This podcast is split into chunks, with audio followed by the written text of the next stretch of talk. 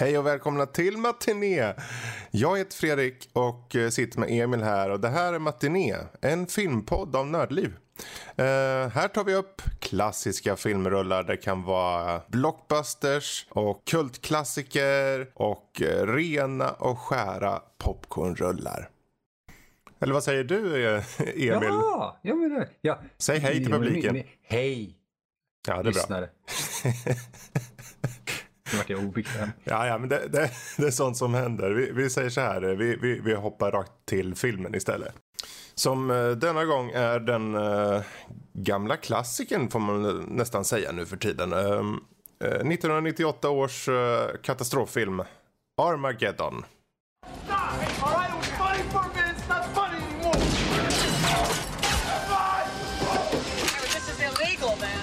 Pepper LSA, Rock. It's all right. Det vi ser egentligen först. Willis skjuter mot Afflecks karaktär som är ihop med Willis do dotter i filmen. Alltså vi etablerar snabbt här vem eh, Bruce Willis karaktär är. Det är Harry Stamper. Och de säger Harry, this is illegal man, säger Steve Buscemi som spelar den här Rockhound. Och så svarar han I'm temporarily insane Rock, it's alright, säger Willis och skjuter vidare. Och då är snarare frågan om Armageddon skjuter vilt och inte träffar något eller om det snarare träffar allt. Och eh, mitt svar på det är att det träffar allt. Det känns som att det, det, är, näst, det är väldigt få av de här hagelskotten som inte träffar. Jag tycker det funkar riktigt bra faktiskt. Mm. Eh, till och med Billy Bob Thornton som jag har väldigt svårt för tyckte jag är sympatisk i den här. Ja, han, ja. jag gillar ju honom. Uh, och jag tycker väl det här är en av hans svagare insatser, men han gör precis det som behövs. Precis. Det är just det där att eh, han, varför jag har svårt för honom i vanliga fall, att han vill jämt spela en karaktär som är liksom over the top på något sätt. Han vill vara en tough guy. Han vill, vara en, han vill ju vara en ladies man. Så känns det ju också i många roller. Oh, ja. Men uh, här så är han en vanlig typ snubbe. Även om han jobbar på NASA. Och han är straight forward och han är ju den karaktären som egentligen förankrar uh, kontakten mellan NASA och de smarta inom situationstecken med att berätta för våra inom situationstecken igen dumma låtsas astronauter, det vill säga de här eh, rockdrillers från någon jävla rigg ute i havet vad som faktiskt behövs göras. Och eh, även om han förklarar för dem enkelt så är det egentligen hans syfte att förklara för oss som tittare. Ja, och det, det sker på ett relativt seamless ja. eh, vis. Att man, eh, det här exposition, alltså dialogen som verkligen ska förklara vad det är som pågår är, eh, jag vill nästan säga, jag, briljant. Jag tänker inte säga briljant, men det är nästan briljant för hur han förklarar allting som sker genom hela mm. filmen eh, för karaktärer och inte tittar in i kameran och säger eh, vi måste göra så här för annars är vi döda. Utan det, det känns ändå naturligt. Det är ingenting ja. som känns överdrivet. Precis. Det känns som att han uh, tonar ner sin karaktär lite och jag tycker det är bra. Uh, det får, blir mer relatable, relaterbart liksom då. Ja, vi behöver ha en som är relaterbar mm. i den här filmen som är eh, grounded, eller ja, jordnära för att vi har så mycket karaktärer som är ganska hysteriska och mm. sen är vi ute i rymden så vi Precis. kan inte koppla till det riktigt. Om någon mot förmodan då inte har hört talas om Armageddon, vad är premissen av Armageddon, Emil? Emil? Emil? Uh, premissen av Armageddon är det att en asteroid är på väg mot jorden. Mm -hmm. En så kallad, uh, vad heter den? World Destroyer. World någonting. Destroyer, ja. Mm. Uh, vilket är kanske det, det, det lökigaste namnet och det lökigaste i den här filmen. Det är mycket okay. lökigt i den här filmen å andra oh, gud ja. Oh ja, det är en triple onion av, av ah, lök det här. Det är många lager lök. Precis uh, som en riktig lök. Åh oh, gud ja. Förlåt, gud, fortsätt. Uh, nej, men det, en, en World Destroyer är på väg till jorden. Det är samma typ av asteroid som förstörde, eller ja, hade ihjäl dinosaurierna rättare sagt och mm. började om hela processen igen. Uh, det här vill ju självklart inte människorna och de försöker komma på hur, hur ska vi komma undan det här? Uh, vi måste spränga den inifrån. Mm. Så premissen är helt enkelt den att de ska spränga en asteroid inifrån och de måste ha de absolut skickligaste borrarna. Ja. Eh, för att kunna göra det här. Och eh, ja, de skickar helt enkelt upp ett, ett team som kan borra mm. i en mm. asteroid för att spränga den innan det är för sent. Precis. Det är väl loglinen och sen, ja. den, den är egentligen dum enkel är den. Ja visst. Um, och det är ju, där så, jag tror det där är lite av ledordet, dum enkel. Oh, ja. för bara för att något är dumt betyder inte att det inte är underhållande. Uh, nej, nej, och, snarare. Och det är ju uträknat dumt också på det sättet. Det är ju ett sätt att hela tiden hålla kvar tittaren. Liksom att vara, man kan göra dum enkelt bra, man kan göra det väldigt dåligt. Och här görs det ändå bra tycker jag. Ja, det är lite intressant för det här med dum enkelt är någonting som får mig att fundera på filmens regissör Michael Bay. Mm. För jag, som de flesta nog förstår, inte är ett stort fan av Michael Bay. Mm, mm. Um, det här anser han vara hans sämsta film. Jag skulle nog säga nästan tvärtom. Det, för mig personligen känns det nästan som att det här var när jag var som bäst. Mm. Faktiskt. Um, för bara något år innan, var inte The Rock, var det han? Uh, ja, och den var väl ett eller två år innan det. Mm, jag skulle säga 96. Men eh, det, för det känns som att uh, det var lite där han pikade för mig. Mm. Jag sen började jag tycka illa om många av filmerna som kom. Uh, han kom, Bad Boys är jag en av de få som inte gillar någon av. Men det har mycket med Martin Lawrence som jag avskyr. Uh. Pearl Harbor är ju vad Pearl Harbor är vad Pearl Harbor är. Den, den man får mm. ta det som det är. Uh, och sen så är det bara upp och ner, upp och ner Transformers och så glömmer vi bort det. um, Ja, för det är väl vid Transformers som man ska försöka avrunda Michael Bay nu mm. tills vidare. Så, där jag kände att nu har han, han har tappat mig. För det här, är inte, det här är inte för mig. Jag kan inte relatera till Shia LaBeouf i första eh, överhuvudtaget och jag kan inte relatera till stora robotar som slåss heller. Jag växte Nej. inte upp med Transformers, jag har ingen Nej. aning. Uh, Armageddon är dock uh, så, så dum enkelt välskriven att allting känns inom filmens ramar eh, möjligt. Mm. Jag, tror, jag tror tillräckligt. Det är suspension of disbelief. Jag går med på att det här är en film och vad som sker i den. Eh, Transformers är en sån där film som flyger ur den boxen på två sekunder mm medan mhm. Armageddon fortfarande, den, den, den tänjer på väggarna här. Verkligen. Eh, men jag köper det. Ja. Mm. Alltså jag, jag tänkte på det för när jag tittar, började titta på den här då tänkte jag okej okay, jag, ska, jag ska mer eh, hålla kvar vad jag, mina upplevelser i huvudet men jag kunde inte låta bli så jag, jag satt ju och skrev upp allting allt efter. Så mina anteckningar typ de är ju eh, liksom eh, allt efter filmens gång så att säga. Alltså jag, har ju bör, jag är ju i början på filmen nu här fortfarande. Ja men det är bra för jag har lite att säga om det. Men ja. Bra, för vi kan ju börja i i början i början, det vill säga när, eh, om inte du har något innan. Jag tänker när de här första meteor, meteorerna börjar slå ner i, i, i uh, USA där. Mm. Och uh, det är någon, ut, det är någon taxichaffis som bara Oh no, Saddam Hussein is bombing us. Jag tänkte okej, okay, nu daterar vi oss. Men det är fine. Det är, för alla typer av filmer daterar sig på något sätt. Jag menar, World Trade Center är ju med i filmen också. Så. Mm. Um, men de, de här meteorerna börjar pop, skjutas ner mot, är det typ New York? För, ja, det är New York. Ja. Om det är World Trade Center så är det New York. Ja, just det. Självklart. Uh, och uh, jag tänker, hmm, det är förvånande välgjorda effekter ändå. Uh, och en kul detalj för de träffar en av skyskraporna. Jag undrar om det inte är um, Empire State Building. Det är Empire. Ja. Det är inte, jag satt och tänkte på det där. Det är Empire. Ja, och det är just att när skyskrapan faller så faller den ner mot kameran och samtidigt faller människor skrikandes mot kameran. Det är en sån enkel liten detalj. För det är riktiga människor. Mm. Och jag tänkte, hmm bra där. De följer i, alltså det får en effekt. Det sätter på en gång. Okej, okay, alltså visst du har lite karaktärer på gatan som anmärker lite så här hum hum humoristiskt nästan. Men den detaljen verkligen etablerar att det här är fan inte att leka med ändå. Mm. Men humorn där, eh, för, för, att det är första akten egentligen mm. på den här mm. filmen är, är briljant för att den, den eh, presenterar oss för hela världen och premissen. Och det, det är det här, folk faller mot kameran och man, man fattar, de här dör de här människorna. De mm. får massa asteroider på sig. Sen klipper vi till två stycken snubbar som står och grälar om, om eh, att den, den ena snubbens hund skäller ja, på den andra. Och så, eh, så kommer en asteroid, träffar en av de kraftigare, den kraftigare av de här två männen. Ja. Och det blir ett stort hål i marken och krater och så.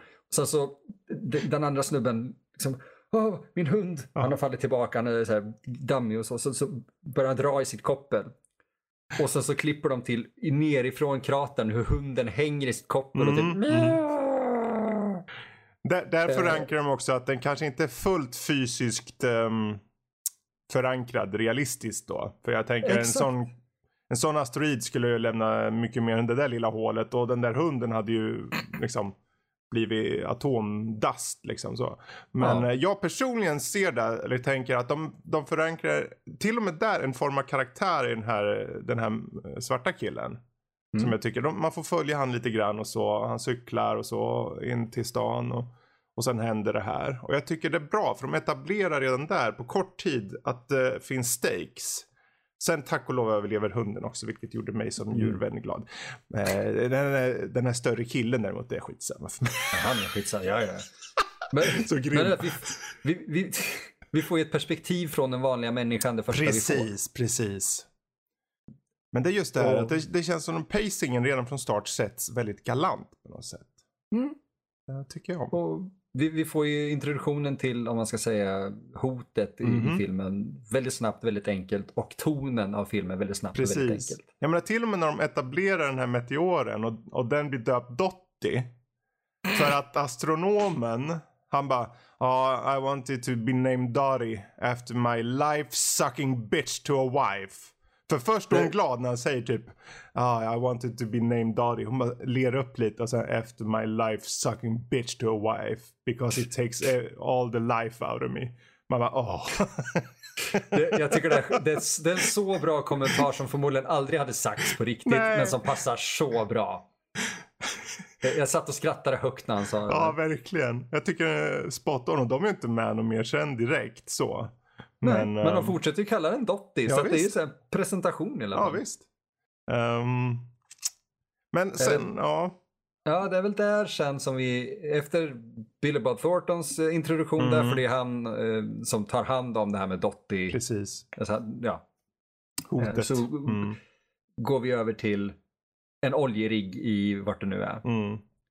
Uh, där Bruce Willis och, jag kommer inte ihåg vad hans kompanjon där, Harry Stamper och uh, den här andra, hans ja, vän, de står och slår golfbollar mot en Greenpeace-båt. Precis. Det är en sån typisk, det är en sån snabb etablering av vem han är. Han sätter sina egna regler och han skiter i dem. De han skiter i, de skiter han i. Fast han skiter i dem med så här smörk liksom på något sätt. Mm. Ja, han säger till och med det. Har de tänkt på att de där båtarna de åker i förmodligen släpper ut mer olja än vad vi mm. gör här idag? Ja, det är roligt för att jag är den som bidrar mest pengar åt dem varje år dessutom. och det, det, är så jävla kul för att det etablerar honom, ah, men vilken skithög. Okej, okay, han ger dem pengar varje år också. Mm. Va, han, okay, han tror på deras sak men han, han Jag vet inte. Men det är bara en så snygg presentation. Den är jättesnygg. För det är glimten i ögat på vad, vad den karaktären i sin... Han, han gör det rätta. Men han har inget emot att bara fucka med dem som uh, han vill fucka med bara. Liksom. Mm, exakt. Och under den här uh, scenen, när man ska säga, på oljeriggen så får vi någonting jag satt och faktiskt... Jag, jag sprudlade av glädje. Mm. Uh, för som du sa innan här att vi presenteras för, inte alla, men huvudparten av hans crew, mm. alltså hu huvudskådespelarna här i, på ett så otroligt underhållande sätt. Och man tänker inte, om man inte tänker på det, uh, att oj, nu introduceras vi för så många karaktärer mm. här. Uh, ben Affleck dyker ju upp där, relationen till, hans, uh, uh, till Harry Stampers dotter. Och mängder av andra karaktärer. Okej, okay, jag, jag, jag, jag måste sakta ner. För när Harry går upp för att hämta AJ, som han heter, mm. alltså Ben Affleck. Yes. Eh, så bankar han på hans eh, dörr, för de har ju hytter och sånt där de sover på. Mm. Får upp dörren och eh, AJ slänger sig upp och står på, liksom, i, bara i mässen i princip. Mm. Och, och, börjar be om ursäkt. Ah, förlåt att jag är sen och för, jag, jag, ska inte göra dig besviken igen. Och Harry stannar helt plötsligt upp, han bara höjer en hand. Under alla de här åren vi har jobbat ihop har du aldrig bett om ursäkt utan att argumentera så här fort. Vad, vad håller du på med? Nej, nej, jag, jag bara inser att jag har. Så, så börjar han kolla runt Harry. Och, och så har han med sig sin golfklubba fortfarande. Mm. Och börjar liksom rota runt och upptäcker då att hans dotter ligger i sängen där. Precis. Och det är relationen mellan de här tre karaktärerna. För att eh, dottern kallar Harry. Eh, Har exakt, hon kallar Harry inte för pappa utan för just Harry. Mm -hmm. Och han besvarar typ uh, Why don't you just call me dad? Liksom något sånt där. Parafrasering. Men det är någonting att han berättar att han är pappa där. Uh, Precis. Och det, det, är perfekt etablering av just de tre karaktärerna som är egentligen de stora tre. Även om eh, AJ och uh, Harry Stamper är de större. Men... Uh, det... Jo men det är de tre huvudkaraktärerna. Ja, precis. De, Harry och AJ är ju huvudrollerna mm -hmm. kan man ju säga. Det är mm -hmm. de vi mhm. får följa. Medan hon är ju en sorgligt nog blir det lite av en McGuffin. Ja. Eh, men det är ju den tiden, det är, det är en forcerad plotpoint mm. i princip. Men uh, det funkar. Ja, alltså Liv Tyler. Liv Tyler, som faktiskt är väldigt bra i den här. Hon är, hon är bra. väldigt bra i väldigt mycket. Hon är ja. väldigt bra. Ja, hon. Och eh, jag har en sån här, nu, nu får ni inte döma mig här, men jag ser på mina anteckningar och det står bara Live effing Tyler in the heyday. Mums. Förlåt. Men jag skrev det. Wow. ja, jag vet. Men hon är väldigt duktig i den. Och det här är ett par år innan Lord of the Rings också. Som verkligen på... Som gjorde henne monumentalt fast i en typ av roll nästan. Eller typ av mindset. Att ju fort du tänker på den så tänker du på Lord of the Rings många i alla fall. Men jag tror ja. att det finns nog väldigt många som kom, kan komma och tänka på Armageddon ändå faktiskt. Jag tror jag tänker på henne mer i Armageddon egentligen. Ah, att, okay. Om jag nu ska vara lite kontroversiell. Mm. Uh, hon uttrycker mer i Armageddon än hon gör i hela Sagan om ringen-trilogin. Så kan det nog vara faktiskt. För hon är ju en sån där, uh, hon är väl alv. alv. Så de är ju mm. inte så, de är ju inte riktigt så, uh, vad ska man säga, uttrycksfulla på det sättet kanske. Mm, eh. Elrond, ja. Fast han har också en karaktär, alltså han har ju en anledning till att vara där. Han har ju sett så mycket gå åt helvete rent ut sagt. Sant, sant. Eh, men när, hon, när det händer henne någonting så är hon väldigt ah, så pratar någonting mm -hmm. på mhm. Elvis. Ska man bara, jag, jag, jag, stå och gråt igen då för 51 gången. Jag skiter i att Aragorn dör eller eh, någonting. Pax för att titta på när hon gråter, äh, förlåt. Nu vart det sådär märkligt igen. Jag ser bara, här fortsatte jag att skriva med tanke på det vi pratade om regin här vad gäller just relationerna. För jag skrev just att regi är bra för den etablerar relationer direkt i första scenerna. Ja. Jag menar även om man vet vilka huvudkaraktärerna är. Willis är brådmogen, Affleck är snabbkäftig playboy och Liv Tyler rebellious daughter liksom så. Mm. Uh, och just casten överlag, över hela brädet. Casten är återigen briljant. Jag fattar inte att jag använder dem i en Michael Bay-film, men den är det. Ja, alltså jag kom på mig själv när jag tittade på den. Tänkte, ja, men just, jag, jag kommer ju ihåg att Steve Buscemi var med. Absolut. Mm. Men det var så mycket mer tydligt hur mycket han tillförde till filmen. Och Will Patton som hans kompis, den här Check, han, han är också mm. jättebra. Men framförallt i de små rollerna. Vi har Jason Isaacs, Udo Kier är med. Ja, om än pyttelite. William uh, Fichter, eller vad han heter, som är en jättebra skådis. Han, han är ju mm. den här bra astronauten. Han som är mest... Willie Sharp! Precis. Uh, till och med en liten roll, uh, jag tror han heter Keith David, den här... Um... Keith David ja. Mm, jag, jag skrek nog ut det. Ja. För att det var verkligen, va, vänta vad gör, va, vad gör fucking They Live här? Okej, okay, coolt. Jag han, han, ju, han vet man ju att många av de här karak äh, karaktärsskådisarna, skulle jag vilja säga, äh, mm. förser filmen med en um, en bättre standard än den någonsin skulle haft om det var no names. Alltså det, det ger en cred till filmen redan ju fort du ser dem. Och sen att de också är genuint bra, tycker jag faktiskt. Gör det, det så mycket som, bättre. Ja, det är det som gör det så intressant för att det är ganska många eh, namn, vissa av dem innan de blev enorma, mm -hmm. men det är fortfarande namn som man visste, det här kommer, det här, det här är bra skådisar. Precis. Eh, och alla fyller sina roller rätt bra. Den enda jag inte tycker eh, oh. kan bero på manuset. Ah, ja, ah. Det finns bara en jag inte tycker eh, lyfts fram ordentligt eller får, han får inte mycket att göra överhuvudtaget alls okay. egentligen förutom att vara en slasher body count nästan. Det är Owen Wilson. Ja, ah, just det. Kul att du säger. Ja, för han, hans roll kommer att gå lite snabbt. Eh, I alla fall efter de kom ut i rymden om vi säger så. Mm. Uh, och, men han var ju, det var ju precis innan han slog igenom. Mer eller mindre. Um, ja. Så visst var han på kartan lite grann då. Men det kom väl egentligen med de här Shanghai Noon och de. Mm. Uh, uh, känns det som. Uh, ja det var ju då han blev ett household Han Precis. hade gjort ett par riktigt bra filmer innan. Mm. Men här var det ju. Typ Bottle Rocket. Och dem han ah, hade jo. gjort. Men det var ju. Det, det, det, är inte, det, är inte, det här är ju stor budget och det här är självklart ett bra steg in i filmbranschen som han sen blev förknippad. Mm -hmm. Jo, för det var typ året efter var han ju med i The Haunting och blev med huvudet liksom i någon skräckis. Uh, ja, skräck eller vad, Ja, men, ja, men ja. folk kallar det det. Uh, men det är just, för du nämner de här små skådespelarna. Jag tänker Michael Clark Duncan är ju, han är bara lovable i den här tycker jag. Bear uh, heter han också. och han är Bear. stor och stark och står och dansar och har sig ibland. Och sen vill han bara liksom vara kramgo. Ja, för att alltså, han, Michael Clark Duncan är en av de här skådespelarna som gick bort alldeles, alldeles för tidigt. Ja. Uh, för både i, i Gröna milen så är han en enorm snäll jätte som mm -hmm. de ska avrätta. Och man säger, okej, okay, jag kopplar till den här. Och här i så, han är den första som försöker hindra Harry från att skjuta Ben Affleck. Mm -hmm. uh, och han, jag kommer inte exakt ihåg vad det är som händer, men han typ ställer sig i vägen med en enorm uh, wrench, vad heter det? Ja, skiftnyckel. Uh, skiftnyckel. Och typ, get out of the way bear. Sorry, I just wanted to give the guy a head start. Jag kan inte ens göra en mörk röst nog. Nej. Och han är så mysig Men det är återigen, ja precis, det är återigen den här just etableringen av karaktärerna. Som är jättebra. Uh, oh ja. Även om det är små karaktärer, för egentligen om du räknar antal lines så är det inte så många per karaktär. Så som det kanske har varit uh, i en annan film om det varit färre karaktärer. Men uh, bra ändå. Men, ja, exakt. Det, det, det, det, är tillräckligt bra för att man ska komma ihåg. Det är ju det.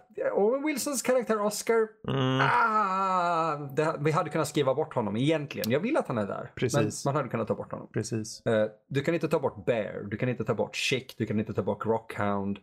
Uh, då blir det fel. Nej. Sen är det ju klart när de, när de kommer till, nu hoppar vi fram lite här men uh, vi kommer tillbaka strax. Jag tänker just när de, när de ska upp med raketen liksom, de träffar astronauterna. Så trä, man ser ju astronauterna och man tänker okej, okay, den där killen ser ut att vara en bra skådis. Så man märker ju vilka som är sk bra skådisar. Man känner de här är så här in the background, de kommer dö. och mycket mm. riktigt, de coola ju. Så.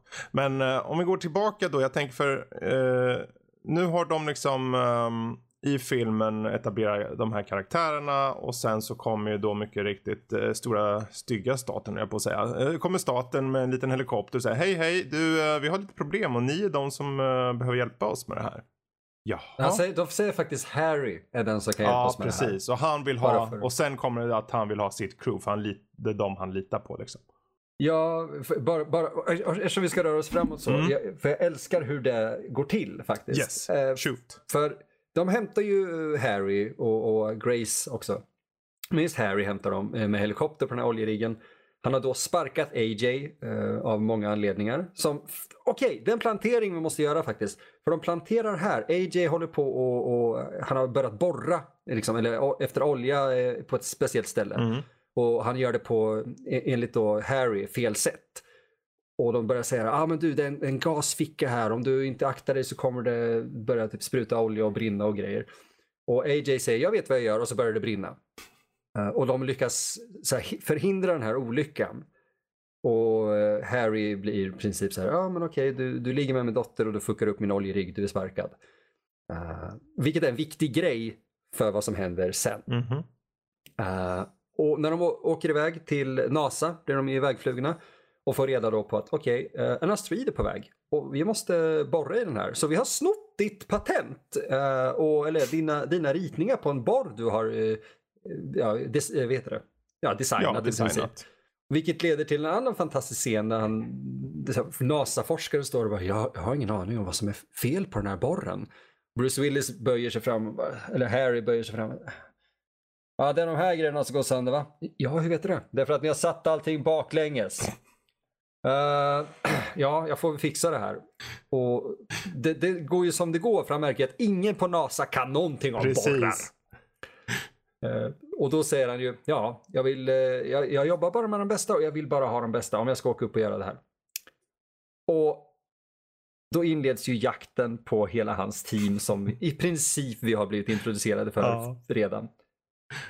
Oj vej. Och det är ju på riktigt jakt för många fattar ju inte att när staten kommer att de liksom egentligen bara vill ha hjälp från dem utan de tror att de ska rounda upp dem på något sätt. För en, han Oscar som du pratar om han flyger på han springer, han är på häst liksom.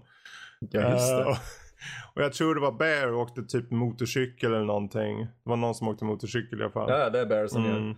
Och så vidare. Um, jag är bara Rockhound, alltså Steve Buscemi's karaktär.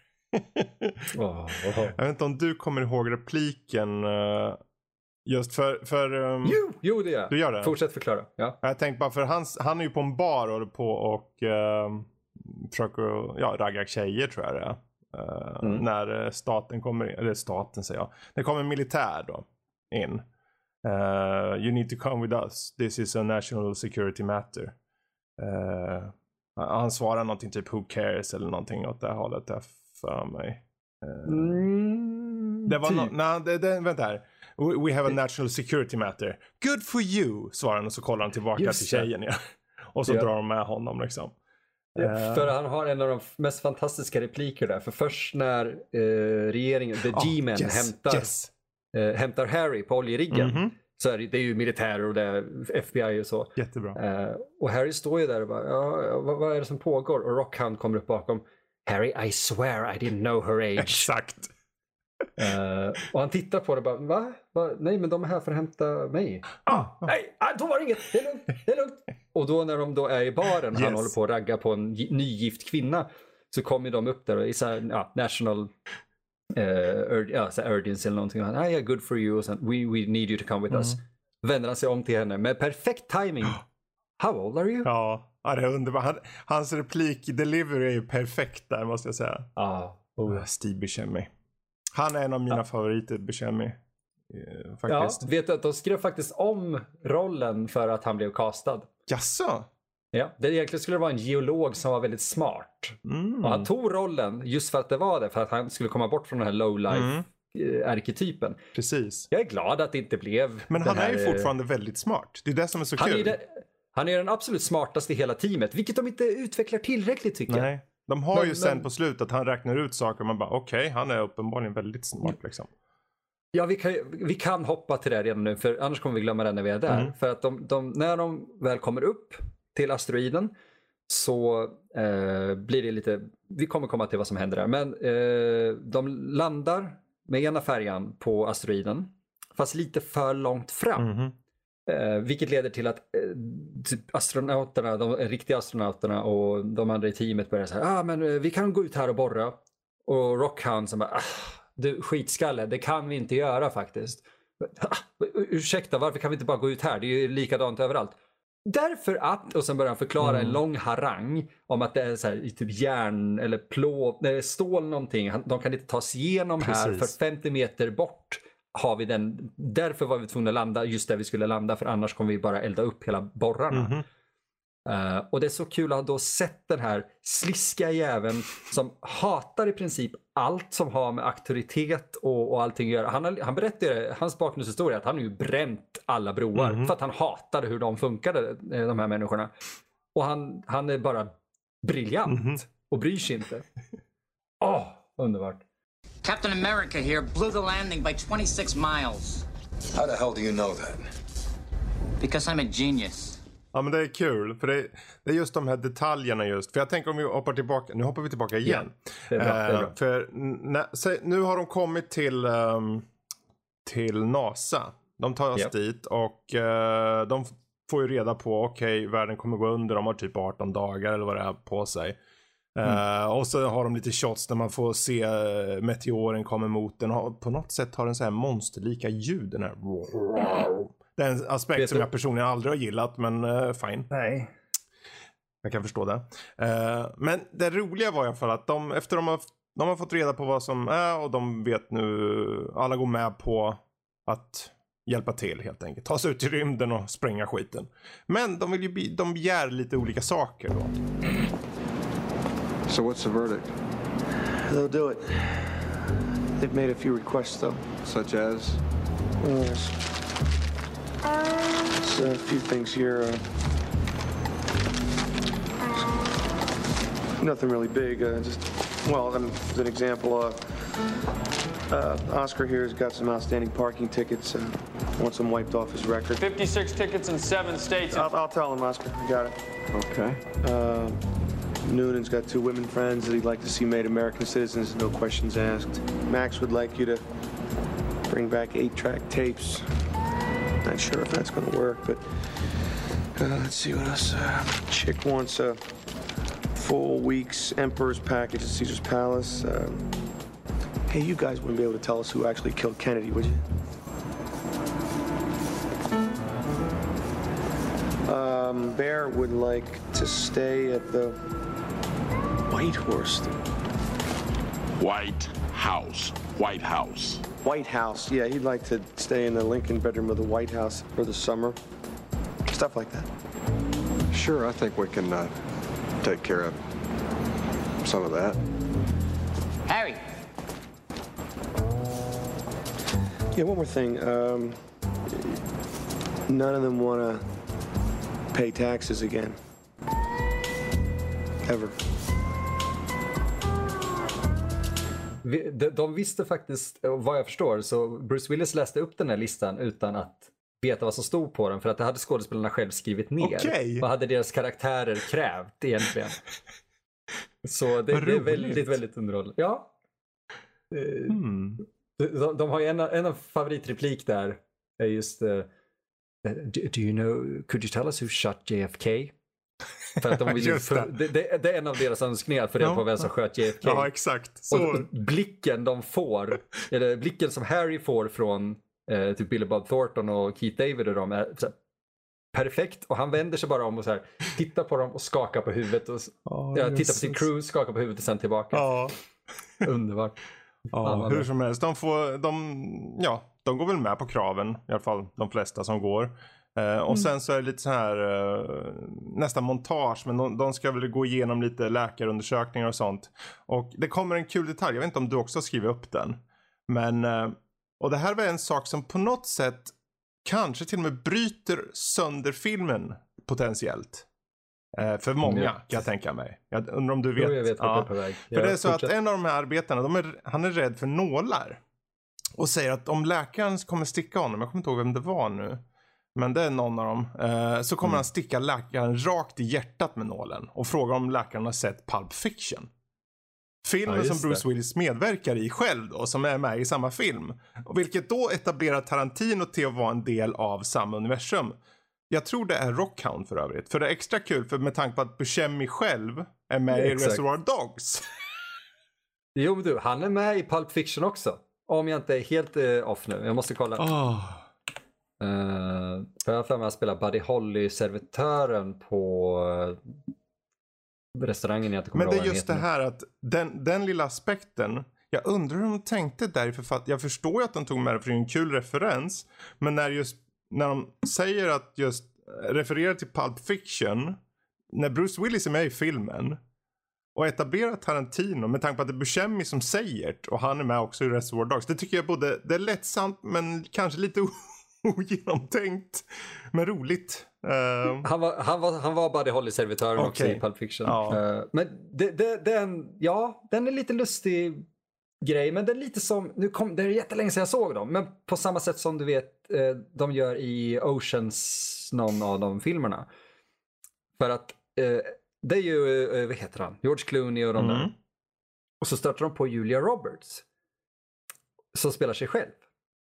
Om det nu var, jag, kom, jag tror det var Julia Roberts. Och hon känner igen någon av dem som sin skådespelare. Okej. Ja, för Julia Roberts är väl med i filmen som en karaktär? Ja. Nej, Eller? fan hon är en...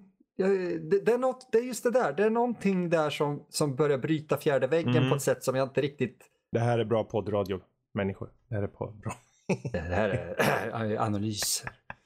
Nej men det är en ganska intressant grej och, och jag, Hon är ju med i Oceans 12, ser jag.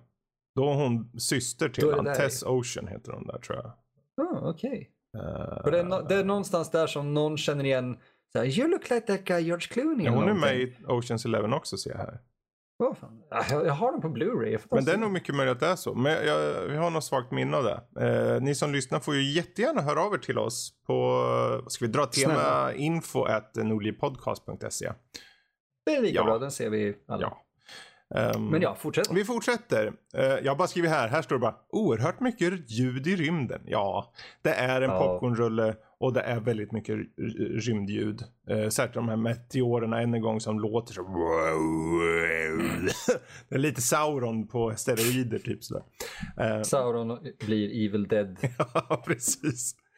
Men eh, hur som haver, det är just den här, nu, de har ju lite, nu blir det ju som så att eh, efter egentligen de har gått igenom de här läkarundersökningarna och så, så är det bara en väntan på att de ska skjutas upp och då, då är det ju dags att ha lite sentimentalitet. Eh, vilket jag personligen, jag är lite svag för det. Jag tycker om sånt. Så de, har, de tar lite fina scener, till exempel när AJ och Liv Tyres karaktär sitter i någon jetmotor eller vad det är för någonting. Den är fin. Eh, och så kommer ju Harry Stamper och kollar liksom genom någon så här eh, skynke eller någonting och låter dem vara bara. Typ. Han, han låter dem få där liksom och så går lite musik på. Jag tycker det, det är en fin, enkel, eh, lite, visst är den lite ostig, fine, Ja. men det gör inget. Jämfört, jämfört med scenen där de äter djurkex och i hennes navel och spelar I don't wanna miss you Oh, yes. eller vad, Åh. då, då, då, då, Den scenen kan jag bara ta och bränna Mm. ur i en mitt näthinna för jag hatar den. Berätta varför. Eh, Låt, därför- låt lyssnarna höra varför. Den scenen är nämligen så extremt i den här filmen som ändå är väldigt lökig och ostig på alla sätt och vis. Så blir den scenen en stor hög ädelost mitt i min nachosås. Uh, jag vill inte ha den smaken där därför att den blir så jävla intensiv att den tar över allting. Mhm. Eh, deras kärlekshistoria accepterar jag. Jag tar den. Det, det, det, det är tråkigt att en kvinnlig karaktär blir en McGuffin. Det är mer än tråkigt egentligen. Men när de då lägger på ännu mer så här. "Ah, jag kommer sakna dig så mycket. bla, bla." Jag kommer inte ens ihåg vad de säger där för min hjärna strokar alltid ur under Man den håller på med perioden. hundkex och håller på att bita på, på brösten eller vad det är. Och sen kommer Ja. eh, Liv Tylers pappa och sjunger över hela. Eh, Det gör det ju inte ännu mer weird. det är just att, alltså- att eh, det här, jag vet inte vad han sjunger men jag har för mig han sjunger typ att, jag menar all, all rock är väl egentligen om att ligga, det är väl inte mer än så. I princip. princip. Och då, då är det för hans dotter där. Jag, jag skulle ju inte gå dit med mina barn. Eh, eller tänka på det. Eh, Ehm, Ja. Men han tycker om att sjunga Eh. för eller han fick nog ingen val, gamle eh, Steven Tyler förstås. De slängde väl bara in musiken. fick fett bra betalt Ja, för det. han, för att, han lallade ända väg till ba- banken eh, glad i hågen och allt. Ja, för jag tror någonstans stod det typ additional soundtrack by vem fan det nu var. Om det är Howard Shore eller någon Mm. jag inte minns nu. Och sen huvudsoundtracket kan vi ju säga det är Aerosmith. Ja, rakt av. Precis. Rakt av. Eh, Så jag funderar på vart nepotismen kom in. Mhm. Om det var Liv Tyler eller om det var Steven Tyler. Precis. Eh, Men, Men du, det, det är så... Ja. förlåt. Vad Vill du säga något mer där? Nej, det är för att det är så synd att vi har, eller synd och synd. Jag tycker inte den med eh, djurkex-scenen funkar. Den är Nej. nästan ökänd för det. Men scenen i jetmotorn funkar Ja. och scenen precis när de ska sätta sig i färjorna när de sjunger tillsammans. Den Mm. tycker jag funkar fantastiskt bra. Precis. Vi. Min scen som jag personligen också har väldigt svårt för, eller också, som jag har svårt för. Det är när vi kommer tillbaka till en scen, eller vi kommer till en scen där Michael Bay visar sig vara Michael Bay på något sätt. Och det är att eh, Bruce Willis sätts i fokus. Han ska berätta vad, vad som är vad. Och det är en stor jävla amerikansk flagga och det är så jävla macho. eh, ja. Och eh, jag mår lite illa där. För det, det etablerar dels att, för man, man ser i filmen också, till exempel se, lite under filmens gång så etablerar de typ att, ja det är typ, var det Asien slår ner en meteor, bara mosar allt liv typ. Och sen yeah. hela Paris försvinner.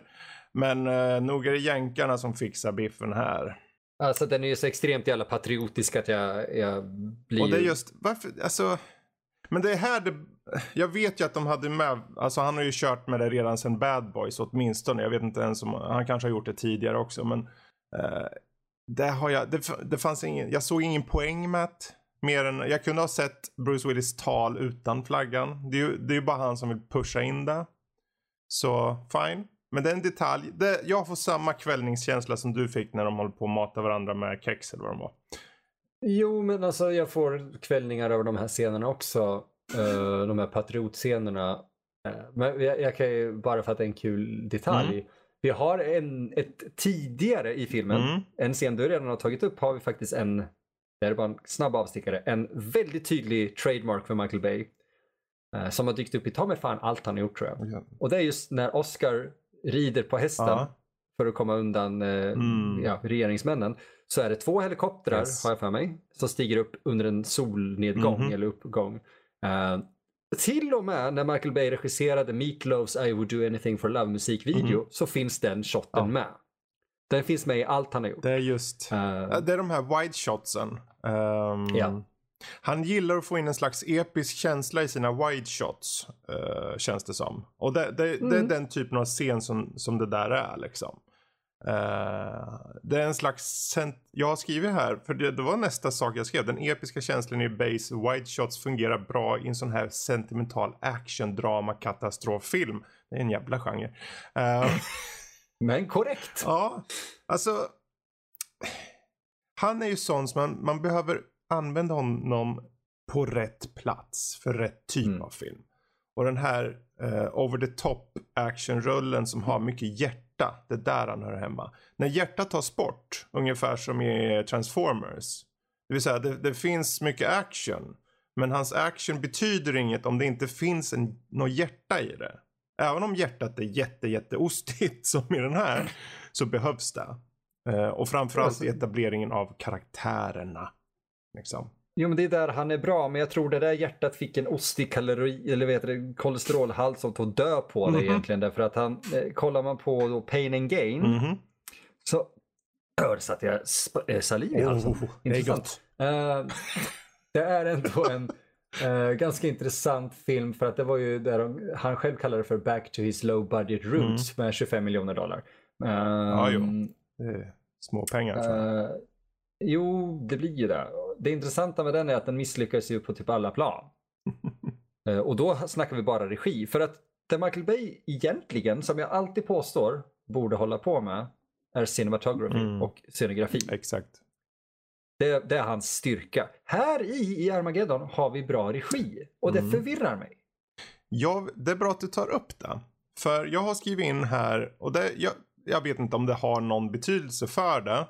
Men vi har ju eh, vilka som har skrivit den, vilka som har gjort adap adapteringen, vilka som har gjort grundberättelsen och så. Um, vi har till exempel en kille, han heter Jonathan Hensley. Han har bland annat gjort Jumanji från 95, han gjorde Die Hard 3. Så det finns en koppling till Bruce Willis där. Men du har också JJ eh, Abrams som stod för screenplay. Mm. Men framförallt Ton Tony Gilroy gjorde adaptionen. Uh, och han har hjälpt till på jättemycket av filmer. Eh, allt från att han fick rycka in till och med på Rogue One och Star Wars Story var den enda som egentligen räddade den. Trots att det är en undermålig film. Men framförallt Born Identity-filmen och sådär. Så det finns, det finns bra writing i det. För just att skapa den här dialogen på så kort tid som möjligt. Det vill säga att, att du ska få in one-liners, du ska få in du har ju begränsad mängd äh, dialog i en film som egentligen handlar om att åka upp och spränga en asteroid. Hur gör man det Mm. bra? Hur gör man det effektivt? Och det är där jag tror att writingen har kommit in. Mer än äh, Bays regi nästan till och med. Garanterat. Eh, för det, det är därför jag tycker det här är nästan, eh, nästan lightningen above. Mhm. För att eh, den, den lyckas med så mycket trots att allting var emot den. Precis.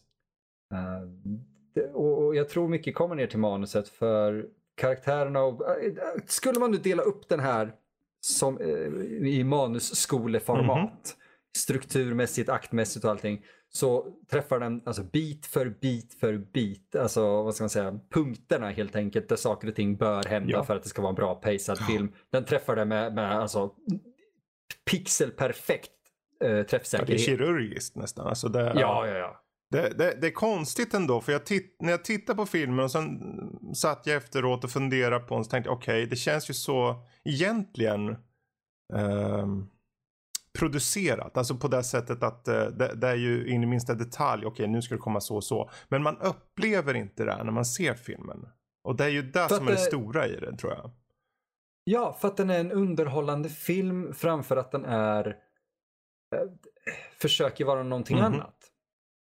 Jag, var bara tvungen, ja exakt, det är ju Jerry Bruckheimer som har varit bakom och producerat också. Eh, jag var bara tvungen att Mm. dubbelkolla. Eh, och han, han är ju lite känd för att kunna göra den här typen av film på ett bra sätt. Mm. Eh, och ja, det där, jag tror jag blir så förvirrad. För att det är så många varningstecken för någonting jag inte borde gilla. Jag är tacksam att jag såg den här som barn. Och, och, och, och, och någonstans, jag, självklart jag fattade ju inte hela strukturgrejen då. Men jag var ju underhållen i två och en halv Precis. timme utan att någonsin tycka att den var långsam. Jag och min pappa så, satt ner och såg Mm. den här nu faktiskt eh, inför det här avsnittet. Eh, och han och jag ser väldigt eh, sällan, eller vi träffas ganska sällan Mm. så när vi väl ser en film så väljer vi den ganska mycket med omsorg och så. Eh, jag tror han, han var väl lite så här, ah, okej vi tar den filmen du har valt av den här gången. Men han, till och med han kom med in i det här och hade kul när vi såg den. Eh, och det, jag, tycker det är ett testament till hur välproducerad den Mm. är. Just för att den är väldigt kirurgiskt ihopsatt. Men den kan få med ta med fan allt ifrån mig som ett skräckfan som skyr mainstream nästan av ren princip. Till min pappa som inte heller är ett fan av mainstream men mycket mer du vet grundad historia Mm, och sånt där. Eh, Att en film som Armageddon som inte tilltalar någon av oss underhåller oss i två och en halv timme utan större problem är Ja, imponerande. verkligen. Verkligen. Ehm, men okej, Ja, Rymden. rymden. Vi, vi, vi gör som så att vi, vi säger nu, nu är de på väg ut i rymden. Eh, de har delats upp i, eh, de eh, ska först till en, eh, en rymdstation och docka och fylla på med bränsle. Ka- kan vi bara påpeka vad skeppen heter eller färgerna Ja, ja, heter? kör på det. Independence och Freedom. Mm, som sagt. Mm. ja, det är Bay. Mhm. Det är Bay och det är patriotiskt. Yes. Men då, det är som det är helt enkelt. Eh, och det jag tycker det är kul här för här kommer vi träffa på en karaktär som är en av mina favoriter också. Den absolut bästa i hela filmen. och det, det är vår svenska förmåga. Peter Stormare. Mm. Som Lev Andropov. Vilket är kul också för här träffar ju då Steve Buscemi eh, Peter Stormare och de spelade in Fargo typ två år innan. Eh, Mm. Och är väldigt goda vänner eh, i verkliga livet vad jag har förstått. Eh, så det är lite Ja. kul att de fick spela in en film till så nära en på för det är inte många skådespelare som får, som får göra det eh, i Hollywood. Det är liksom Om de inte är en del av ett team så blir det väldigt sällan så Precis. faktiskt. Så, men här får man i alla fall träffa den här härliga Levan Tropov eh, och han eh, tillför ganska bra. För det, självklart så går det ju inte riktigt så bra på den här eh, rymdstationen. Utan den, ja, den exploderar typ mer eller mindre. Men de hinner ju såklart eh, springa därifrån, springa därifrån. De, de flyr undan med varsitt rymdskepp men det blir lite separering av teamen. De skulle egentligen vara på lite olika platser och så. Eh, AJ till exempel kom på fel skepp om jag, miss, om jag inte missminner mig. Det är något sånt där som händer. Så, och eh, ja, det är väl ett par astronauter som, eh, ja, som coolar där på den där stationen. De som fanns där befint, liksom från start då antar jag det var. Det, Ja, Det är ju bara Ja, det var bara han. Det är bara, Okej. ja, ja. Mm. My bad. Um, jag har för mig att de ska lämna kvar någon annan eller om de ska hämta hem honom. Mm. Någonting sånt. Men de skulle ju bara fylla på med bränsle va? Ja, jag har för mig att de säger någonting om att de ska just byta av honom. Ah, det, okay. det kanske bara är så att de ska fylla upp för att han har varit där i sex Precis. månader själv. Han är... Helt jävla ah, underbart. underbart. Um, hur som helst. Uh, ja, de, de flyr undan där och tar sig vidare ut mot uh, meteoren. Och samtidigt uh, lite då, jag vet inte om det här eller lite senare, men det är just här som man etablerar då att uh, det gäller att skynda på sig för nu kommer det meteorer och träffa jorden och det är kinesiskt modellbygge som sprängs utav hud, eller ja, det är ju hela städer, det är ju inte modellbyggen. Nej, nej, nej, nej, nej. nej. Jag tycker det är så snyggt med de här modellbyggena. Liksom. De är, jag köper dem mer än vad jag köper ja, moderna ja, dataeffekter ja. för att de är där. De har ju blandat dataeffekter med modellbyggen mm. precis som Sagan och ringen gjorde ett par år senare. Mm. Och lyckas, det ser alltid bättre ut. Precis. Du, du kan inte övertyga mig om att en, en total CG-modell ser bättre ut än när någonting sprängs framför kameran. Nej men det, jag tycker det gör, det här märker man, det här är verkligen hög budget på den tiden där eh, modellbygget var som störst nästan. Uh, och uh, jag menar, det, när kom Independence Day? Var det 96 eller? 96. Ja. Och uh, jag tänker det var där på något sätt så hade de ju Vita huset om jag inte minns mindre som sprängs. Och det är en sån ikonisk sak och här är liksom allt som sprängs känns det som. men det är snyggt. Det är välgjort. Det är hantverk. In camera. Jag tycker det är jättebra. Mm. Uh, och här är det kul för vi pratade om det förut för här har jag bara skrivit hmm, nog base peak. Alltså att det är hans uh, Michael Base peak här, typ med den här filmen känns det mm. som. Um, så medan de flyger ut där i rymden i alla fall så eh, hur är det då på jorden? Det har ju slagit ner lite här met meteorer och så. Och de innan, det är lite intressant tycker jag för um, han, uh, vad heter han, um, Billy Bob Thorntons karaktär. Mm Eh, etablerar ju att de kan ju inte gå ut mot allmänheten med att, att det här är på väg. Va? För då, då blir det panik Precis och plundringar och man vet aldrig vad som händer. Men när borggubbarna ska åka så tittar hela världen på tv om att de ska åka. Och då pratar de ändå om att rädda alla från utplåning. Jag bara. Jaha. Men blir det inte, blir det inte panik då som ni sa eller vad? Men är det inte, jag, jag vill minnas så att det, det, jag vill minnas det att de faktiskt åker efter, typ två dagar efter att allmänheten vet om att det är saker som mm. håller på att ske. Okay. Uh, jag, Men det är ändå fortfarande att film... de vet liksom. De film, hade ju på tv och grejer och så liksom. Ja, inte förrän de åkte upp. Och då visste folk redan att det skulle sprängas och uh. hållas på. Uh, ja. Så att det, Alltså det, är det, det finns mycket i den här filmen som inte makar sense. Det, det finns ju en, en känd grej som jag, jag tänker försöka hålla det så kort som mm. möjligt. Eh, premissen ifrågasattes nämligen av Ben Affleck under produktionen. Ja, uh, uh, och, och, Michael Bay sa i princip shut the fuck up and do your job. Uh, och Affleck har väldigt roligt på kommentatorspåret till filmen där han sitter och skrattar och, och, och, och verkligen eh, hånar filmen i princip. Jaså, den vill jag, då vill jag ja, titta den. Alltså, det vill jag. Ja, ja kommentatorspåret är fan. Det finns klipp av just den, de delarna ja. där på, på YouTube. För han har väldigt kul åt det hela. Och det, det är ju sant, premissen är egentligen skitdum. Och de, de har en replik i filmen i princip som räddar enligt vissa mm. det här.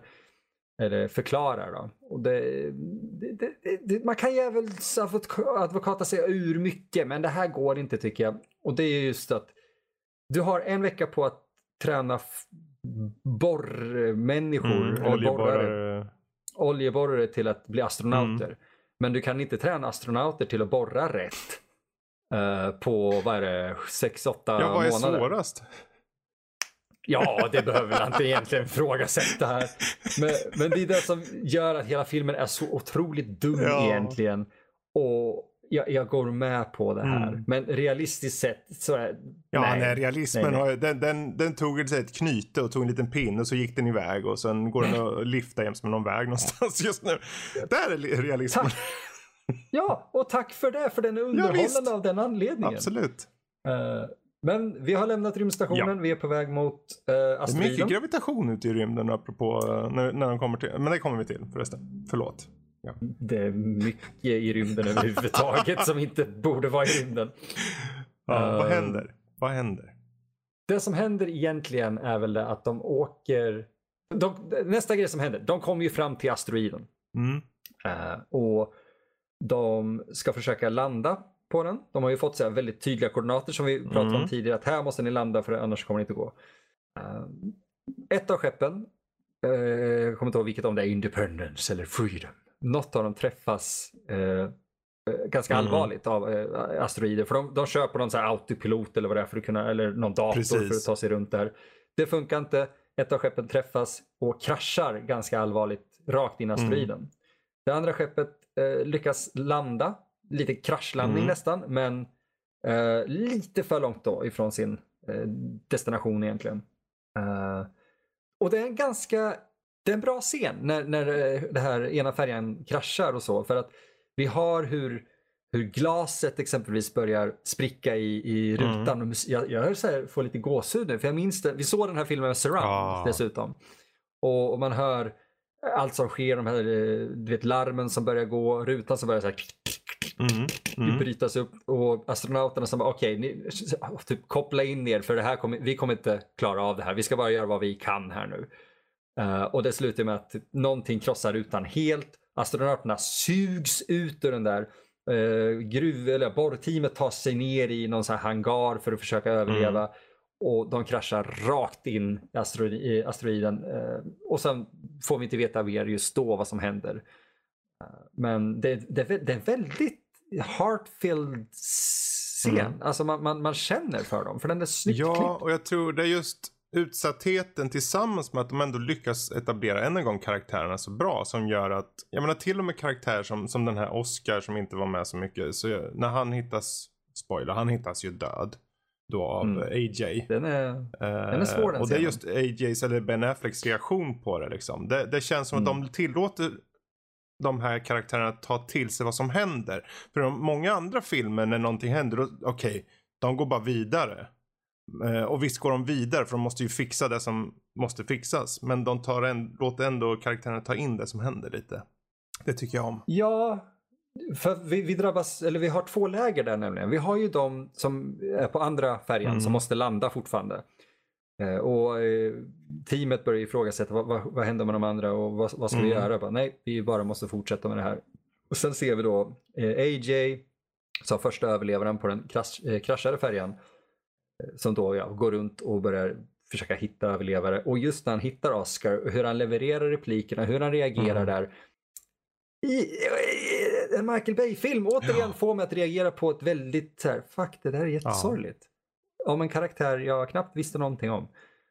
Eh, och sen så är ju Lev Mm, där, alltså ryssen och Bear. precis. De, de tre har klarat sig. Och de, eh, ja just det, det är den grejen som händer. Eh, Kör på. Ja, för att det, det, det, om vi bara fokuserar på ett team i Det taget här nu. Eh, För att annars kommer det bli jättemycket Mm. hoppande. Eh, när den andra färjan försöker landa så eh, fokuserar vi här på att färjan som kraschar, den är ju helt förstörd. Den är liksom kraschad. Beyond Eh, repair liksom. Precis, och de har ju haft på sig hjälmar och allting för att klara av att överleva om någonting skulle hända. De, eh, Lev, AJ och Bear lyckas få igång, jag jag kommer inte ihåg vad den heter, men det är i princip Batmobil. eh, Det är kul ska... att Ben Affleck kör den då. Aha! Det är jävla rolig. Um, Han som är så ung och, och, och trim här och så blir han den stora, för er som har sett Justice League och alla de här eh, Batman v Superman, där är han en stor biff. Ja, det har hänt han ser mycket på bara 20 år. deprimerad ut där. Oh ja, han har blivit Ja, deprimerad. stackarn. Eh, men eh, det som är så fascinerande är att de ska ju få ut den här eh, ja, Batmobilen helt enkelt. Mm. Så de skjuter upp väggen på färjan med en minigun. Yes. Var, var, hur, varför finns det en minigun Varför finns på det en minigun där? Jo, Ska- vet du varför? För att de ska Jag- skjuta jag har upp väggen. kör.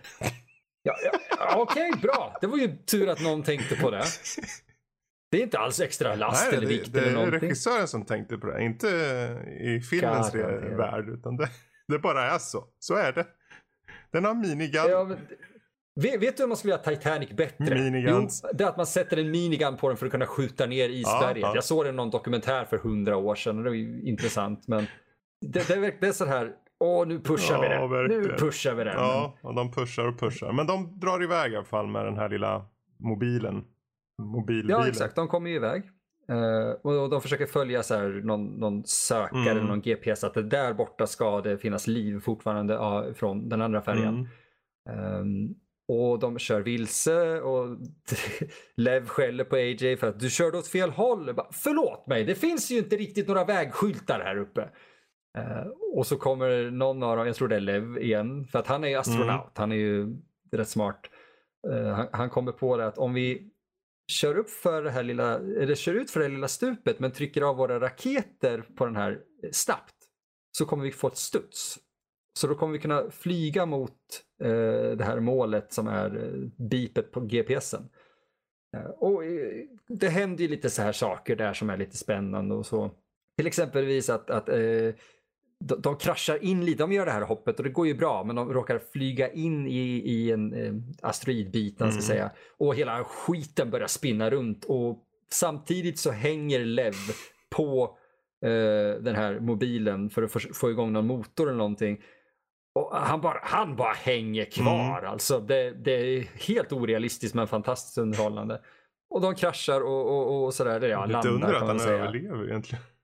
Eh, Alltså, är det ett under? Jag tror det var filmmagi. Ja, filmmagi. Skiten. Ja, det, det är så dumt men, men man köper det. Eh, och de, eh, de, de kör ju runt eh, på den här asteroiden ganska länge. Mm. Till slut ser de den andra färjan. Och de, eh, ja vi får egentligen inte se hela den turen när de kopplar samman och så där, men de åker ner till färjan och de här andra överlevarna. Vad har hänt under den tiden vi har följt dem Mm. här? Vad har hänt med den landade färjan Fredrik? Ja. Eh, ja, vad händer med det då? Det är väl att de eh, vill försöka borra. Eh, det finns flera saker. eh, Kan man säga. Det är ju att de försöker borra. Det är ju här som Steve Buscemi påvisar att de, de är för långt ifrån. De är på en plats där det inte går att borra. Eh, och du har ju en av astronauterna då som på något sätt har någon hemlig liten plan i bakfickan. Det känns som att han har någon lurt. Han har någon lurt och det är väl att uh, helt enkelt spränga skiten i alla fall. Det är en stor jävla atombomb där. Som han adapterar på en gång. Nästan. Eh, efter lite om och men. Ehm, De planterar att det ska ske, han adapterar det Nej. inte än.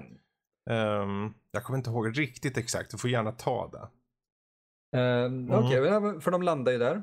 Den här, eh, vad fan är han heter nu, astronauten. Eh, Du tänker på han William heter F- ja, Willy. Willy. Willy ja. Eh, han uh, ger dem i princip kommandona, säger gör så här och gör så här, medan Rockhound säger ja det är en dålig idé, men Mm. okej. Så de ger sig ut med eh, sin mobil Mm. på den här färjan då, och, och de- de börjar försöka hitta ett ställe att borra på, borra på och de börjar. Det går inte jättebra. Så de får ta ut, av någon anledning som jag inte heller kommer ihåg, så, så har de inte satt på Bruce Willis den här just som de det. hade snott ritningarna till. Utan de får hämta den, vilket känns som jätteslöseri med tid och inte köra med den Mm. från början. Men okej, de får koppla på den. Det tar ju mer tid för nu börjar så här, tiden bli lite knapp Mm. där. Ehm, och då börjar de borra igenom s- järnet eller vad det är. Eh, Och det, det, det, det kärvar ju och de här tänderna på borren börjar gå i tu och så. Men de, de, de tar sig längre ner, längre ner, längre ner. Och här någonstans har jag för mig att de hamnar i en liten konflikt för att de, de kom ju in just där för att byta Ja. borren.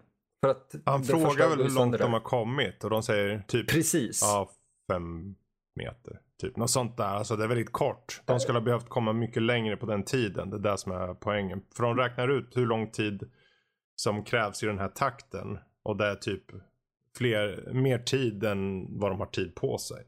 Ja exakt, de har eh, typ så här många timmar att ta sig ner 250 meter och på de timmarna så har han nästan tagit sig 20 meter. Ja, för poängen också, det kan vi säga. För poängen är ju att eh, den här asteroiden, den får inte åka för nära jorden. För det är en viss eh, slags, slags gräns som de har satt. Att eh, innan den når en, en viss gräns, då måste den explodera. Annars kommer vi inte, även om vi spränger den så kommer den fortfarande träffa jorden. Så det är den tiden Mm. de håller på att slåss mot liksom så att säga. Eh, Exakt. och det är väl egentligen där då som, som den, här karaktär, den här astronauten då typ eh, bara drar iväg. Eh, efter Harry Stamper säger att det är lite så här, "Nej, det verkar inte gå så snabbt men vi ska fixa det. Han tror fortfarande att de ska lösa det. Men han, och det är då det handlar om det här med den här bomben och där han går och, jag för mig det var där jag fann. Ja, för Willie Sharp kontaktar ju eh, Mm, Billboard mm. Thornton, eller NASA. För på NASA, på NASA har vi eh, i samma veva här ett problem som sker. Eh, Det är att, eh, jag tror det är så att Willie Sharp på något vis har, eh, eh, de har ju en bakplan en, eh, Ja, en extra, en backup. Eh, plan. Ja, med USAs president i Mm. princip. Eller Keith David som representerar Mm. honom. Och presidenten har sagt att om vi inte kommer ner till det här djupet på den här tiden så måste vi spränga den Mm. ändå. Vilket då både Rockhound och typ alla andra som faktiskt är smarta har sagt nej, det kommer inte gå. Ni kommer bara... För de beskriver det lite som eh, om ni har en, eh, ett fyrverkeri eller så här, smällare i Mm. handen öppet så kommer inte någonting egentligen hända. Det kommer bli lite svedd. Men eh, om du stänger igen Mm. handen, sluter den och smäller så kommer den göra mer skada. Väldigt bra illustrering av vad, för publiken där, vad, vad, varför. I- Tidigare. Idiot, ja, enkel och verkligen. smart. Eh, och då börjar de av ren desperation så här, vi måste armera bomben här mm. nu och eh, ja, då kör vi. Och det här eh, sänds ju med, med, via kamera till NASA och Harry blir så här, vänta här nu. Vad, vad har ni på gång? Det här, det här sa vi ingenting om. Vi måste fortsätta borra annars kommer vi inte klara av det här. Och så börjar de, Willie Sharp och, och eh, Harry Stamper slåss. Och det hela kokar egentligen ner, vi behöver inte gå igenom allting som händer där, men det kokar ner till att Stamper sätter typ en stor tång runt halsen på eh, Willy och så verkligen trycker till och börjar ha något så här väldigt Merkin-tal. Mhm. Om att vi, vi ska rädda allt det här. Och, eh, Det handlar ju om att han vill att han ska ha tillit på han. Att han ska fixa det liksom. Eh, Precis. Ja, alltså jag har aldrig misslyckats med någonting hela mitt liv och, och du ska fan inte tro att det här blir min Mhm. första gång. Jag kommer nå det där djupet. Det, det, det är en av de kanske lökigaste monologer jag har hört levererad med den med största övertygelsen Precis. någonsin. I've never missed a death. And Alltså, Bruce this is Willis not är gonna bra be i my den här first rollen. time. Han är skitbra Han är i den här rollen. Eh, samtidigt som de håller på att ha sin lilla cock-up Mm. där så har ju NASA aktiverat bomben eh, och den håller på att liksom, ja, räkna ner. Och Billy Bob Thornton och några andra NASA-nördar där liksom, "Ö- ö- okej, ta, ta, kan du typ koppla ifrån den? Så, ah, ja, men det kan vi göra. Så stänger de av den här tidsräkningen. Och eh, The G-Men och Keith David bara, äh, någon håller på att fucka upp vår plan här. Så de tar ju över allting och den sätts igång Mm. igen. Och Bruce Willis med sitt tal lyckas övertyga Willy och en annan astronaut att ja, vi måste här, öppna upp och stänga av den här eh, nedräkningen på bomben. nedräkningen eh, ja, eh, rent praktiskt. Eller så här, vi måste göra det här. Och de, det, det, vi, vi får en faktisk sån här red or blue, röd eller blå kabelscen. Och så här, på typ, jag är lite förvånad att det inte var på sista sekunden. Det är typ två sekunder Mm. kvar. Så red, blue och så klipper de blå och så stannar den. Eh, vilket är, det, det, det, det är bra paceat, jag Mm. köper det fast jag vet hur det kommer Precis. gå. Um, Det är Och- kul att du säger att det, Ja. du vet hur det kommer gå. För jag, jag kommer ihåg första gången jag såg den här. Det, är- det är inte mycket jag kommer ihåg från när jag första gången såg den. Men eh, det är bland annat just vilka karaktärer som är kvar och så. För jag kommer ihåg när jag såg den då. Ja det var runt 98. Då gick jag i typ gymnasiet. Så eh, vad jag tyckte om film var egentligen att jag ville att hjälten skulle vinna och de elaka ska dö. Mm. Och eh, ja, ganska enkelt, nästan så här dumt enkelt för min del där. Men filmen ja, men det passar bra. Men eh, nu, nu eh, hoppar jag lite här kanske egentligen. Men det, Mm. grejen är att eh, Willys karaktär, han dör ju. Rättare sagt, han gör det för att rädda sin dotter. För det är nämligen så att efter allt det här händer, de borrar ner tillräckligt djupt, eller de försöker i alla fall och så, men det visar sig i slutändan att eh, det är något fel och eh, för att detonera bomben så måste någon stanna kvar. Du typ hoppar över 75% av tredje Ja. akten. Eh, vi kan ju pinpointa några detaljer sen. Eh, men just att, ehm, att de då uh, låter, för det är ju så att AJ väljs till att stanna kvar. Eller väljs och väljs, ja, de, de har sån här uh, lottning typ, eller vad ska man säga? De mm. drar straws liksom. Uh, och uh, det blir han och han bara okej, okay, fine, okej, okay, ja, säg till uh, Liv Tyler att, att han älskar henne och sånt. Och, och så säger typ Harry Stamper, jag följer med dig ner till markytan eller så, eller man ska kalla. med en liten hissgrej. De åker ner, varpå han, Harry Stamper drar ut typ en sån här luft uh, slang eller någonting från, uh, mm. från AJs uh, eh, rygg där och säger nej du får stanna, jag får fixa det här. Ja, och det, jag tycker om den scenen. Den, det är ju också en ostig scen på sitt sätt men den är stark. Den är fantastiskt väl hanterad. Ja. Man räknar inte riktigt nej. med det. Och det här är ju liksom att filmen fram tills nu har ju ändå etablerat, trots att vi har karaktär som vi, det finns många vi gillar verkligen. Så det finns ingen som inte, det finns inget som är säkert. Och jag tycker om det. Jag tyckte inte om det då. Men idag så är det nästan, eh, jag, jag, skrev här, bra beslut att döda Willis karaktär. Faktiskt. Mm. Det, det, är, det hade varit jättefel om han ja. hade överlevt.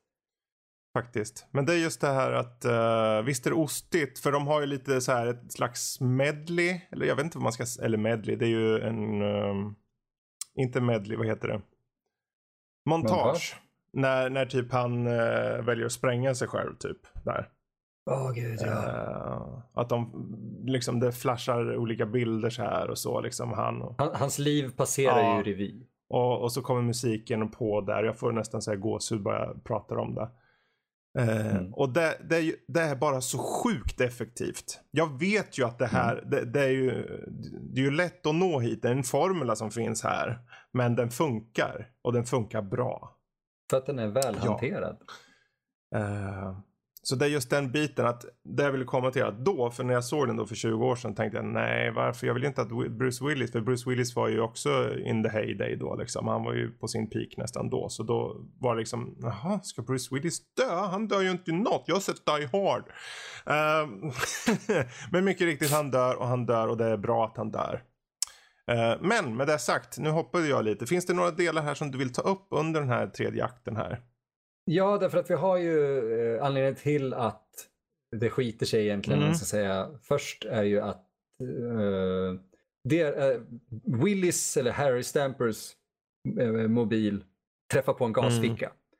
Och den antänds ja, och Max som kör den här mobilen sprängs till aska ja. i princip. Och de håller i hans aska och så. Och de tror att okej okay, nu är fakt. Och då kommer ju, som vi delade mm. upp det förut, deras andra Mm. Mobile. Mm. Och de skriker eller mobil. och är glada. Ja, de kommer. Liksom. Precis, och de börjar ju borra med mm. den då. Och där kommer den här återkopplingen till att i början när AJ, AJ eh, fuckar upp så att oljan börjar spruta och mm. brinna. Eh, så han gör samma sak här. Men enda, han skriker typ om du någonsin ska lita på mig eh, Harry så är det fan i mig mm. nu. Låt mig göra det här. Och så, så pushar han igenom det här. och han lyckas borra ner så långt de behöver. De får ner bomben mm. och allting. Eh, men på grund av de här problemen, eller inte ens på grund av det, utan de, de får någon asteroidstorm, mm. man ska säga. Det är någon bullshit som händer. Uh, så blir bomben skadad och någon måste yes. vara kvar. Uh, och uh, under den, hela den här processen som du gick igenom där, att de väljer vem som ska åka och allt, så blir det Affleck och så. Men Bruce Willis, ja, haha, knuffar mm. in honom igen, ringer sin dotter dotter från eh, ja, den här uh, mobilen och har en av de mest hjärtskärande scenerna någonsin trots att den dryper av ostdipp överallt. Så är den så förbann... Han sitter och gråter. Bruce Willis sitter och gråter och bryr ja. sig. Uh, och tydligen hade han en bild av sin egen dotter mm. framför sig för att kunna agera. Men fantastisk scen. Och så ska ju skeppet lämna här och då kommer det ju en av mina mm. För att eh, eh, färjan ska åka, men den vill inte. Och idag har något elfel för de får gå över till reserv efter landningen. Eh, de har bundit fast Rockhound för att han har ju ridit på den här ja, kärnvapnet och blivit helt fel i huvudet. Eh, så han sitter fortfarande fastbunden med typ eltejp och bara smart. de väljer inte ens honom som en kandidat till, för han vill ju ta livet Ja, av ja, sig ja. på grund av att han har tagit ut typ så här 100 000 dollars Precis. lån på jorden innan han åkte upp. Så de litar inte på att han är stabil nog för att ta livet av sig. Så han sitter bara fast. Eh, och skeppet, eller ja, färjan lyfter inte. Och det blir så här, ah, fuck vi måste ju spränga här nu, annars så kommer vi aldrig hinna. Så då, då springer Watts som är en eh, kvinnlig eh, pilot. Hon springer till så här, eh, the back, Mm. man ska säga, av, av skeppet. Och börjar så här, hålla på väldigt fint med, med alla delar. Och Lev, alltså, vår kära Peter Stormare, han himlar med ögonen och springer efter. Och jag, har faktiskt, jag var tvungen att ta fram citaten Mm, för jag tycker mm. de är så bra. För, eh, nu ska vi se här. Eh, Lev säger “It's stuck, yes?” och hon “Back off, you don't know the components”. Lev väldigt eh, irriterad. “Components, American components, Russian components, all made in Taiwan!” Och så börjar han slita i allting och till slut, för att han blir så frustrerad, så säger han This is how we fix problem in the Russian space station. Och så börjar han så, slå sönder panelen med en stor ja, wrench igen, eller rörtång. Och så börjar det funka Åh. och, och han typ jublar något fantastiskt. Vilket är en fantastisk scen för honom.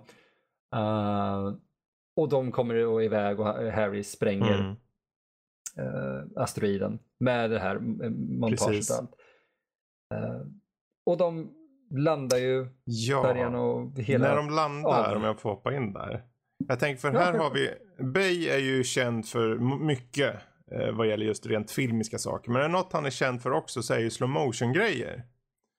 Eh, Mm. Och här så använder han ju slow motion när de kommer ut ur de här färjorna.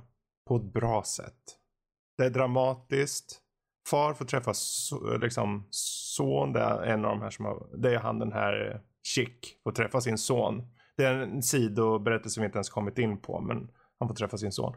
Och sen får någon träffa sin flickvän. Och Steve Buscemi får också träffa någon snygg blondin. Och han bara, jag vill ha... Han, han träffar Ja. strippan som han träffade på sista bara, kvällen "I på jorden. Baby, liksom. Och det, det är en sån fin... Det är bra användning av musik. Det är bitterljuvt. Det är fortfarande lyckligt. Men det är inte, det är inte perfekt lyckligt. Eh, för det är, det är inget fel att få ett lyckligt slut när dödsfall om en melodramatiskt spelar in liksom. Så. Eh, det känns förtjänat. Trots att kanske filmen rent vetenskaplighetsmässigt har massor med plot holes.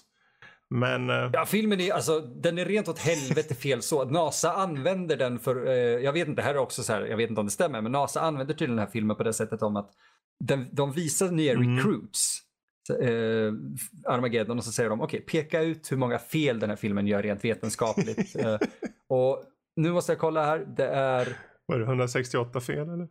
168 fel har Mm. hittats. Uh, än så länge. Vilket är otroligt eh, underhållande för mig känner jag. Ja, jösses. Men där är i alla fall, det här är ju typ Armageddon. Eh, ostigt, underhållande, bitterljuvt, lyckligt. Men med bra skådespeleri. På alla fronter nästan. Det är ju en film, och ni märker ju här, vi har ju varit varför det blir lite så här att vi hoppar och så är för att vi är energiska. Vi är så här, det är så kul att prata om film och jag personligen är extra glad mest för jag var ju som sagt orolig för att den, tänk om den är skit. Ärligt talat. Jag har inte sett den på många år Ja, och det ja. finns mycket i den rent strukturellt till, till kanske storyn i helhet eller plotthåll som vi var inne på som faktiskt inte funkar. Och några små detaljer man kanske inte tycker om men på det stora hela är det en väldigt underhållande film. Som med all säkerhet kommer funka idag på eh, ungdomar tror jag. Utan Faktiskt. tvekan, det finns ingenting som daterar Nej. den riktigt på det sättet. Eh, så det, det, det är liksom, där har vi Armageddon. Jag vet inte, finns det några små detaljer? Har du någon kuriosa på det här utöver det vi redan har kanske gått in på? Eller? Eh, Jag, jag, det kan vara en dålig idé för mig att gå Okej. in på allt Ja, för ja, ja. många. Eh, men alltså, Ta någon eh, som du tycker står ut lite extra mycket då. Jag hittar faktiskt ingenting riktigt jättebra. För jag har, jag, det här var en sån film, jag, jag brukar ha någonting, Mm, kunna någonting mm. utan till. Här är en sån jag är tvungen egentligen att gå igenom listor på eh, eh, kuriosa. Men de, de flesta som verkar, eller många av dem Mm. i alla fall, i filmen som levererar och är bra. Eh, Steve Buscemi är en av dem och Billy Bob Thornton är Mm. en annan. eh, har rapporterat den här filmen på samma sätt som eh, att de gjorde den här filmen på samma sätt som eh, Michael Caine när han gjorde Jaws 4. Den mortgage-film. Ja, just det. Jag behövde betala ja. någonting. Uh, och jag tycker väl det här är en av de mer uh, lyckade Jag måste betala skitfilmer. Uh, vi hade, skulle haft Arnold Schwarzenegger i rollen som Harry Stamper. Wow. Kan vi säga. Det hade ju okay. varit fruktansvärt. det vet vi aldrig. Jag tänker Last Action jag Hero tänker... som vi pratade om i förra avsnittet. Ja, men han är helt. Ja, jag tänker bara på slutscenen där med Bruce Willis när han gråter. Det kanske hade varit lite magstarkt. All cred till den gode. I'm gonna have to break the promise for you, I can't come home. Lite små så här snor liksom både in i munnen och ur näsan och bara flyger. Stackars Arnold. Nej, han skulle nog inte ha pallat det. Jag tycker om Arnold, men uh, skådespeleriet är inte hans starka sida. Um... Nope. Inte ens när han gör seriösa roller, som han ibland är bra ja. i. Men uh, ja, jag vet inte, det är väl inte så mycket, vi behöver inte gå in på trivia. Ni kan ju bara googla och hitta er trivia själv. Jag menar, den, det roliga här är egentligen att vi vill höra vad era intryck är av filmen. Antingen kan ni skriva på mm. kanske so sociala medier och då är det bara att ta äta oss på @nordliv.se. Eh, ni kan ta göra i hashtag-form, hashtag eh, matiné. Uh, och så kan, om ni vill försäkra er om att vi ser det så ta med den där eh, nordliv.se då. Men då vet vi i alla fall att det handlar om just matiné då. Och så någon frågeställning vad ni mm. tycker mm. eller bara vad ni känner överlag om filmen. Kanske ni avskyr den, kanske ni älskar den. Jag personligen ser den här, jag skrev in det nu, om jag tar det som en sista punkt här. Att jag skrev nymodern version av klassiska monsterfilmer? Frågetecken. Ja, då kan man ju undra vad fan menar jag med det? Jag tänker, du vet, när man hade så mycket ikoniska filmer under vissa perioder. Man hade de här Dracula, man hade uh, Creature from the Black Lagoon som vi pratade om. Eh, filmer som på något sätt kanske förknippas med en tidsålder, en, en, en, period, en tidsperiod och så. Så tror jag ändå att på 90-talet, om man ser 90-talet så finns det mycket film man kan eh, liksom pinpointa på och så. Och jag tror att Armageddon kan vara en sån film faktiskt. Det känns som att 90-talet sjuder verkligen under ytan där och det känns som en, lite av en timepiece på det sättet. Så... Um, ja, mitten av 90-talet och framåt, eller ja, 90-talet och framåt var ju katastroffilmernas era. Uh, och det här är kanske en av de Precis. absolut bästa. Uh, för den här och Deep Impact kom ja. samma år och var lite neck to neck vilken som ja, skulle komma ut först. Det är ja. fascinerande. Men uh, ja, där har vi det. Mm. Och ja, det är väl som vanligt. Hör av er på info.nordlivpodcast.se om det är någonting ytterligare. Eller om ni än en gång också bara vill prata av er om filmen. Ja, och kom ihåg att eh, är det så att ni är Patreons så får ni tillgång till avsnitt både tidigare och oklippta. Det är dock på eget bevåg, bara så ni vet. ja, och det är i alla fall patreon.com snedstreck nordliv.se. Där hittar ni det. Ja, ja, ja. Uh, jag vet inte, ska vi, ska vi uh, gå ut och säga vad det är för någon film nästa gång? Ska vi säga det? Jag tycker vi gör det faktiskt. Eh, ska vi ta den här där man, um, en man som är väldigt demolerande, om du tror vad jag menar? Ja, jag tycker ska vi köra på den är... eller ska vi ta en annan?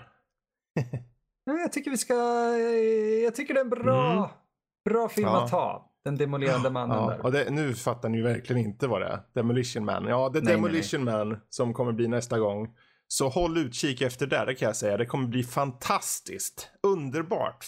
Mm, jag hoppas det i alla fall. Det var ett tag sedan jag såg den. Tänk om den är skit. Uh. Kommer du tycka den är dålig nu kanske? Den lite, lite Kommer du förstöra allting för dig? Oj, oj, oj. oj, oj, oj, oj. Ja, ja. Men det, eh, det är nästa gång. Ehm, jag, Fredrik här, får tacka för mig och Emil. Ja, jag får väl tacka för mig också då. Mm. Och Matiné får tacka för oss. Hej då. Tack så mycket.